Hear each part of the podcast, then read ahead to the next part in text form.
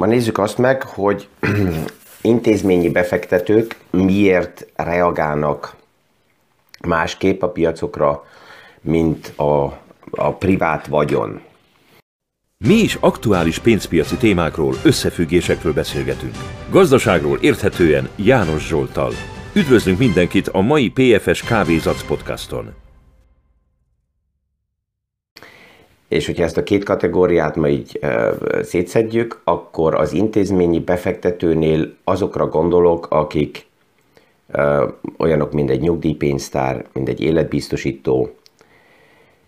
Tehát alapjában inkább konzervatív szemszögmől összeállított portfóliókezelők, vagyonkezelők, és a másik, hogy nekik vannak kifizetési kötelességük, vagy bizonyos hozamokat kell jóvá írjanak, vagy pedig um, konkrétan ki kell fizessék havonta a nyugdíjasoknak a bizonyos összeget ez egészen más, mint a nagy tőke, a vagy, és itt nem, tehát a privát tőkénél is van a nagy, a nagy tőke, amelyiknek ez a kötelessége, kötelezettsége nincsen meg, és ezért másképp kezeli a piacot.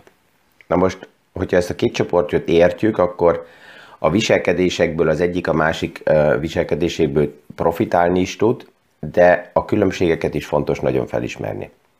Ha veszük az intézményi tőkét, akkor annak általában, hogyha van ilyen fizetési kötelessége, az a fontos, hogy a befektetés az hozzon ideális esetben minimum azt a hozamot, amit ki kell fizetni. Tehát ez kötvényekkel elég egyszerűen megoldható, mert a kötvényeknél normális esetben van a kamatfizetés, és hogyha egy intézményi befektető megvásárol egy kötvényt, és ebből kapja rendszeresen a,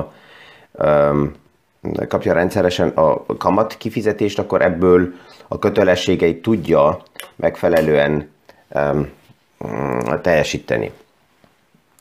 Na most, hogyha alacsony a kamatszint, úgy, mint az elmúlt években, vagy akár rövidebb kötvényeknél negatív a kamatszint, akkor mit csinálnak az intézményi befektetők? Hát egyszerű, ők egyszerűen hosszabb futamidőket kezdenek megvásárolni, ahol még kamatot lehet kapni, ez volt az oka annak, hogy az elmúlt években, mikor például Ausztria is kibocsájtott 2019-ben, 2020-ban egy 100 éves kötvényt, akkor fel volt téve a kérdés, hogy mi, ki és miért vásárolja ezt a 100 éves kötvényt meg, amelyiknek alig 1,25% a kamatja.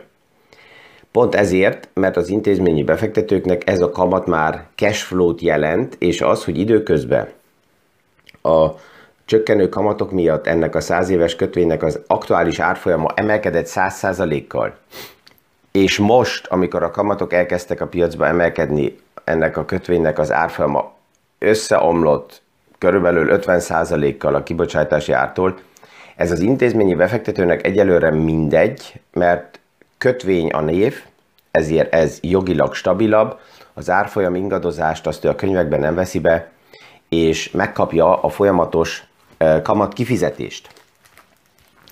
Ez neki alapjában elég. Um, hogyha magasabb lennének a kamatok, akkor persze annyiból jobb lenne az egész, hogy tudnának egy picit kreatívabban a kamatokkal dolgozni, mert hogyha több kamat jön be, mint amit ki kell fizetni, akkor ezzel tudnak esetleg más befektetésekbe is menni. A részvények azok a legtöbb intézményi befektetőnél, főleg Európában korlátozva vannak, a szabályzó ezt, ezt visszafogja. Hogy, hogy ez most, most miért van így, ez teljesen lényegtelen, de, de ez megvan, tehát ők nem tudnak részvényekbe olyan egyszerűen belemenni azért, mert a részvényeknél ugye napi szinten ki van mutatva az aktuális árfolyam, és ezt az ingadozást a könyvekbe is fel kell vegyék, és ezt nem engedi meg a szabályzó. Na most ennek van egy nagyon nagy hátránya is, mert persze, hogy amikor a kamatok olyan alacsonyak, mint most, már egy jó ideje, akkor kreatívak kezdenek lenni az intézményi befektetők is, és az elmúlt években kialakult az a helyzet, hogy egyre több nem, kamat, nem kötvény, de úgynevezett illikvid, direkt um, részesedésekbe mentek bele az intézményi befektetők. Ez mit jelenti? Olyan um, résztulajdonokat vettek meg vállalatokon, cégekben, ahonnan részvényhez hasonló részesedés van, de ez nincs a tőzsdén napi szinten kereskedésbe. Ennek az az előnye jogi oldalról nézve, és az intézményi befektetőket, akik kezelik, ezek nagyon ragaszkodnak a, a jogi eh, lehetőségekhez. Tehát az előny jogi oldalról az, hogy ezek a, az illikvid befektetések nincsenek napi szinten beárazva. Ezért a könyvekben úgy vannak ezek kezelve, mint egy kötvény. Tehát bevásárlási árral. A hátránya az illikvid pozícióknak, hogy az, hogy milyen áron tudok esetleg kiszállni belőle, vagy egyáltalán kiszállok-e, kiszállhatok-e, ezt nem látom, mert nincsen napi szinte kereskedés ezekkel az illikvid pozíciókkal. És egy pár nagyobb európai intézményi befektetőnek ma már a könyveibe nagyobb az a részesedési rész, ami illikvid pozíciókban van, mint az, ami direkt tőzsdén keresztül részvényekben van. És ez azért egy, egy elég fura és veszélyes helyzet, mert azok a befektetők, akik az elmúlt évtizedekből főleg inkább konzervatívabb befektetésekbe, mint életbiztosításokba, hagyományos formába, um, nyugdíjpénztárokba tették a pénzüket, de részben ez elő is volt írva, hogy hova kell tegyék. Ott meg volt az a, az a címke, hogy oké, okay, itt ne, nincsen meg a nagyobb hozam, de nagyon nagy a biztonság. Mert ez nincsen a tőzsdén keresztül befektetve, hanem főleg kötvényekben van. És ez a kép aktuálisan elég veszélyesen kezd fordulni, um, és ezért is, ezért is fontos ezt figyelni, hogy a, a kamatok mit okoznak, hogyha a kamatok elkezdenek emelkedni, akkor ezek, ennek az emelkedésnek a direkt vagy az indirekt hatása milyen lesz, főleg az intézményi portfóliókra. Van egy indirekt hatás, ezzel kezdeném, hogyha a kamatok emelkednek, akkor elkezd felfele indulni a két éves, öt éves, tíz éves kötvénynek a kamatszintje, és klasszikusan azt mondják, hogy a tíz éves államkötvénynek a kamatja az kezd konkurenciája lenni a tőzsdének. Tehát ott meg van nézve, hogy egy államkötvény tíz éves futamidővel mennyi kamatot fizet, és ugyanabba a piacba például egy blue chip osztalékot fizető cégnek milyen az aktuális rentabilitása és amikor a kamat és az osztalék körülbelül ugyanazokat a szinteket kezdik elérni, akkor a kötvények megjelennek mind konkurencia a tőzsdei befektetésekhez, a részvényekhez. Ez alapjában csak annyit jelent, hogy kevesebb akkor a kereslet. Mert miközben a kamatok lementek, kialakult az a kép, hogy there is no alternative. Tehát nincsen alternatíva, mint részvényekbe befektetni, mert a kamatok nagyon alacsonyak voltak. Tehát ebből jött az, hogy megszűnt a kötvények oldalán a konkurencia, és ezért plusz kereslet jelent meg a tőzsdén.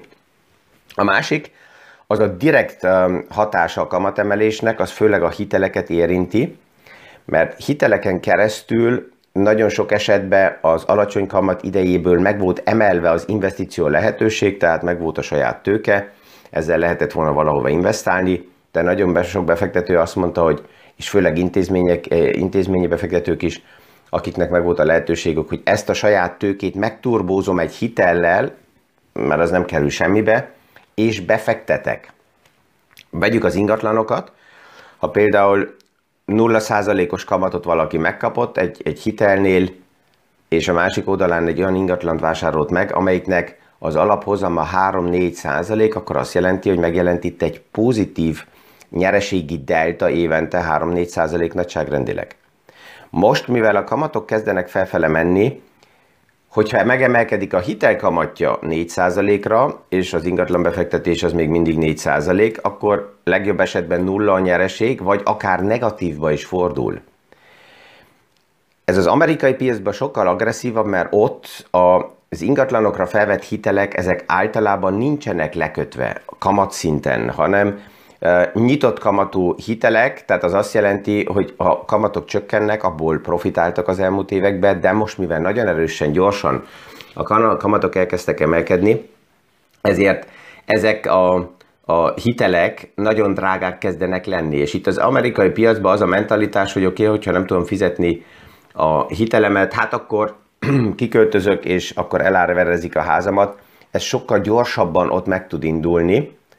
Plusz még egy dolog, hogy kevesebb a kereslet a piacon. Tehát már azért nem kell főtétlen most problémába kerüljenek az eddigi ingatlan tulajdonosok, elég az, hogyha csak kevesebb a kereslet, ez már nem hajtja annyira az árakat felfele.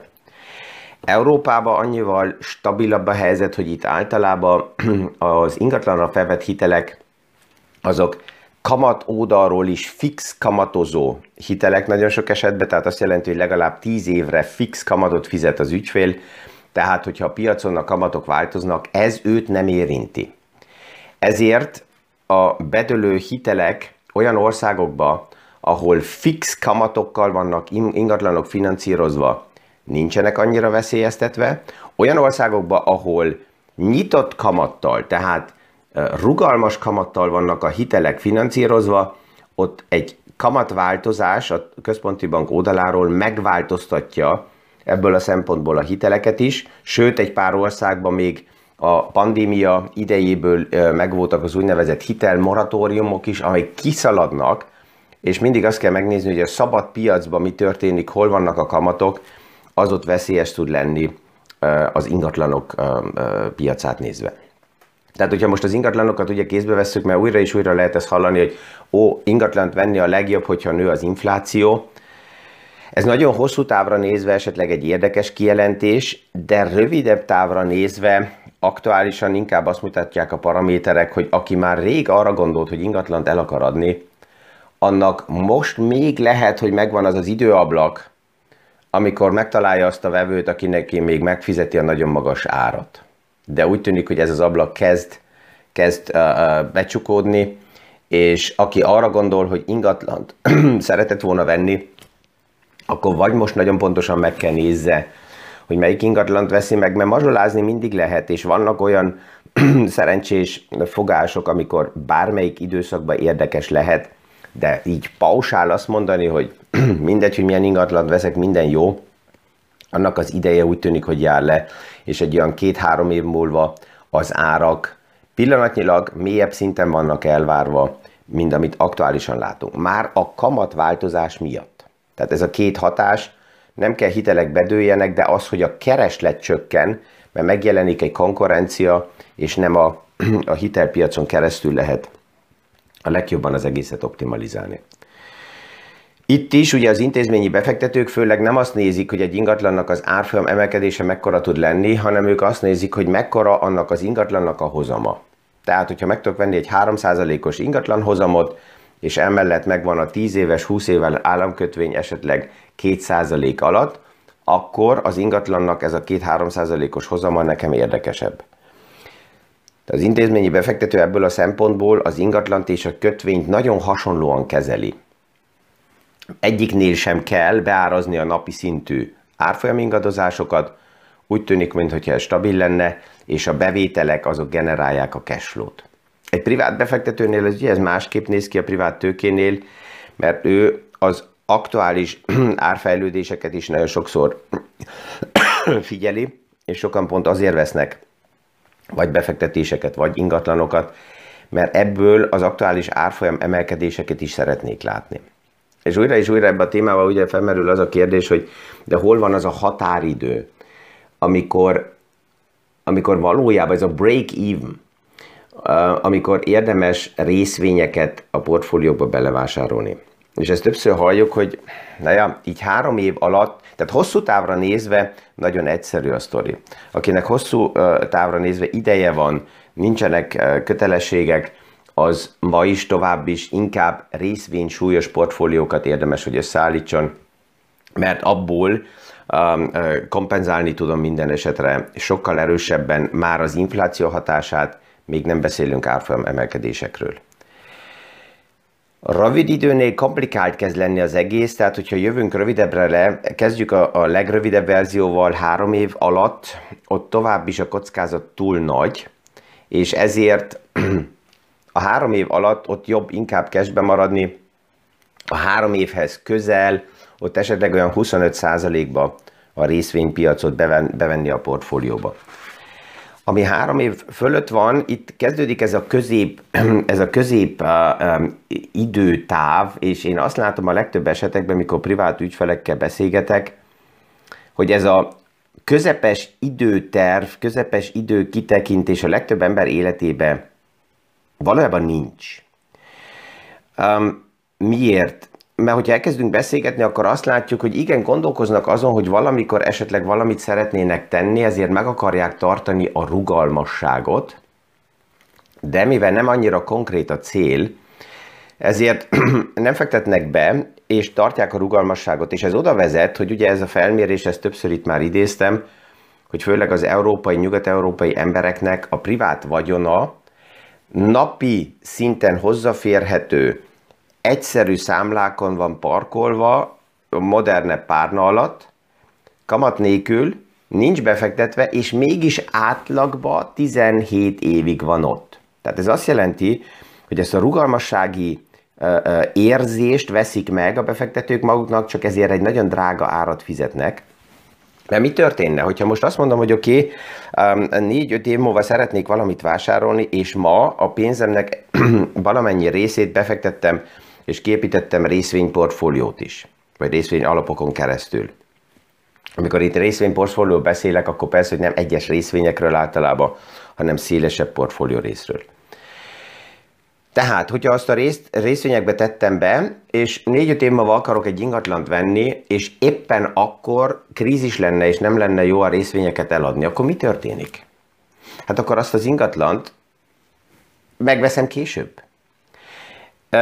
Ez persze, hogy meg kell különböztetni, hogy most fötétlen kell a lakásra és az első ingatlanom, vagy egy befektetési ingatlanról beszélek. Itt már ugye az individuális helyzet megtekintése nagyon fontos. Az, hogy van egy állam ingatlan, és soha többet ilyen jó nem lesz, hát ezt szeretik eladni az ingatlan közvetítők. Én azt láttam, hogy mindenik állam ingatlannak van egy utódja, és van egy következő állam ingatlan később is. De nézzük ezt pontosabban meg, hogyha négy-öt év múlva krízis van, a részvényeket nem tudom eladni, akkor általában a kamatok olcsók a hiteleknél. Tehát az jelenti, hogy akkor azt az ingatlant akár meg tudom finanszírozni hitelen keresztül, mert hogyha a részvénypiac dübörögne, akkor mennek felfele a kamatok, akkor hitelen keresztül finanszírozni úgyis drága lenne. És ebben van egy ellentmondás az intézményi és a privát befektetők között is, hogy krízisben én azt tapasztaltam, hogy nagyon sok privát befektető szereti magát, um, tehát a, a, a hitelkötelességeket a krízisben lecsökkenteni. Tehát amikor krízis idők jönnek, 2008 volt, vagy 2000 volt, vagy akár 2020-ban is, akkor hirtelen nagyon sok privát befektető azt mondja, hogy oké, akkor a hiteleket most hamar visszafizetem, nem kell nekem a hitel. Az intézményi ebből a szempontból pont fordítva gondolkozik, és mivel nincs nyomás alatt, és ez egy döntő kérdés, hogy a privát is úgy kell felépítse a portfóliát, hogy ne kerüljön nyomás alá. Tehát amikor a piacok szárnyalnak és nagyon erősen emelkednek, akkor érdemes a hitel arányokat lecsökkenteni azért, hogy ne legyen nagy a hitel kitettség, hogyha jön egy következő krízis, akkor tudjam felépíteni a hitelállományomat, mert krízisbe alacsony kamatoknál hitelen keresztül finanszírozni az gazdasági oldalról inkább megérti, de akkor, megéri, de akkor jó kell legyen a bonitásom. A krízisekbe általában azok kerülnek problémába, akik a krízis előtt a boomfázisba túl megnövelik agresszívan a hitelállományukat, azután, hogyha hirtelen jön egy krízis helyzet, ezt nem tudják olyan hamar leépíteni, megmarad egy nagyon nagy hátizsák, ha nem is kerülnek csődbe, és akkor oda menni egy bankhoz, és ezzel a nagy hátizsákkal azt mondani, hogy oké, okay, akkor most olcsó hitelt szeretnék, hogy menjek bele különböző projektek finanszírozásába, az persze, hogy nehéz, lehetetlen, ezért kell anticiklikusan ezt a témát is kezeljem. Tehát a részvény aránya portfóliókba általában azt tapasztalom, hogy rövid és középtávra is megéri, még akkor is, hogyha egy ügyfél jóval idősebb, beszélgetek 70-75 éves emberekkel, és ott is azt látom, hogy a felépített tőkét, őt nem akarják egyből mind cashre váltani, és mind elkölteni, hanem a legtöbb idősebb ember is nyugdíjas korában is azon gondolkozik, hogy mennyit vesz maximum havonta ki a felépített tőkéből, hogy adja ezt át a következő generációnak, Ha megjelenik a következő generáció kérdése, akkor megint hosszabb időről beszélünk. Tehát um, itt uh, minden esetre megvan a lehetőség, hogy már rövidebb portfólióknál is a kockázat menedzselés szemszögéből nézve a részvény kitettségeket, a részvény arányokat megemelni. Persze, hogy megvannak a veszélyek, mert ezt látom az elmúlt évtizedekben, hogy amikor valaki azt mondja, hogy oké, okay, akkor ezt a lépést megteszem, akkor nagyon sokszor divatokat vásárolnak meg az emberek.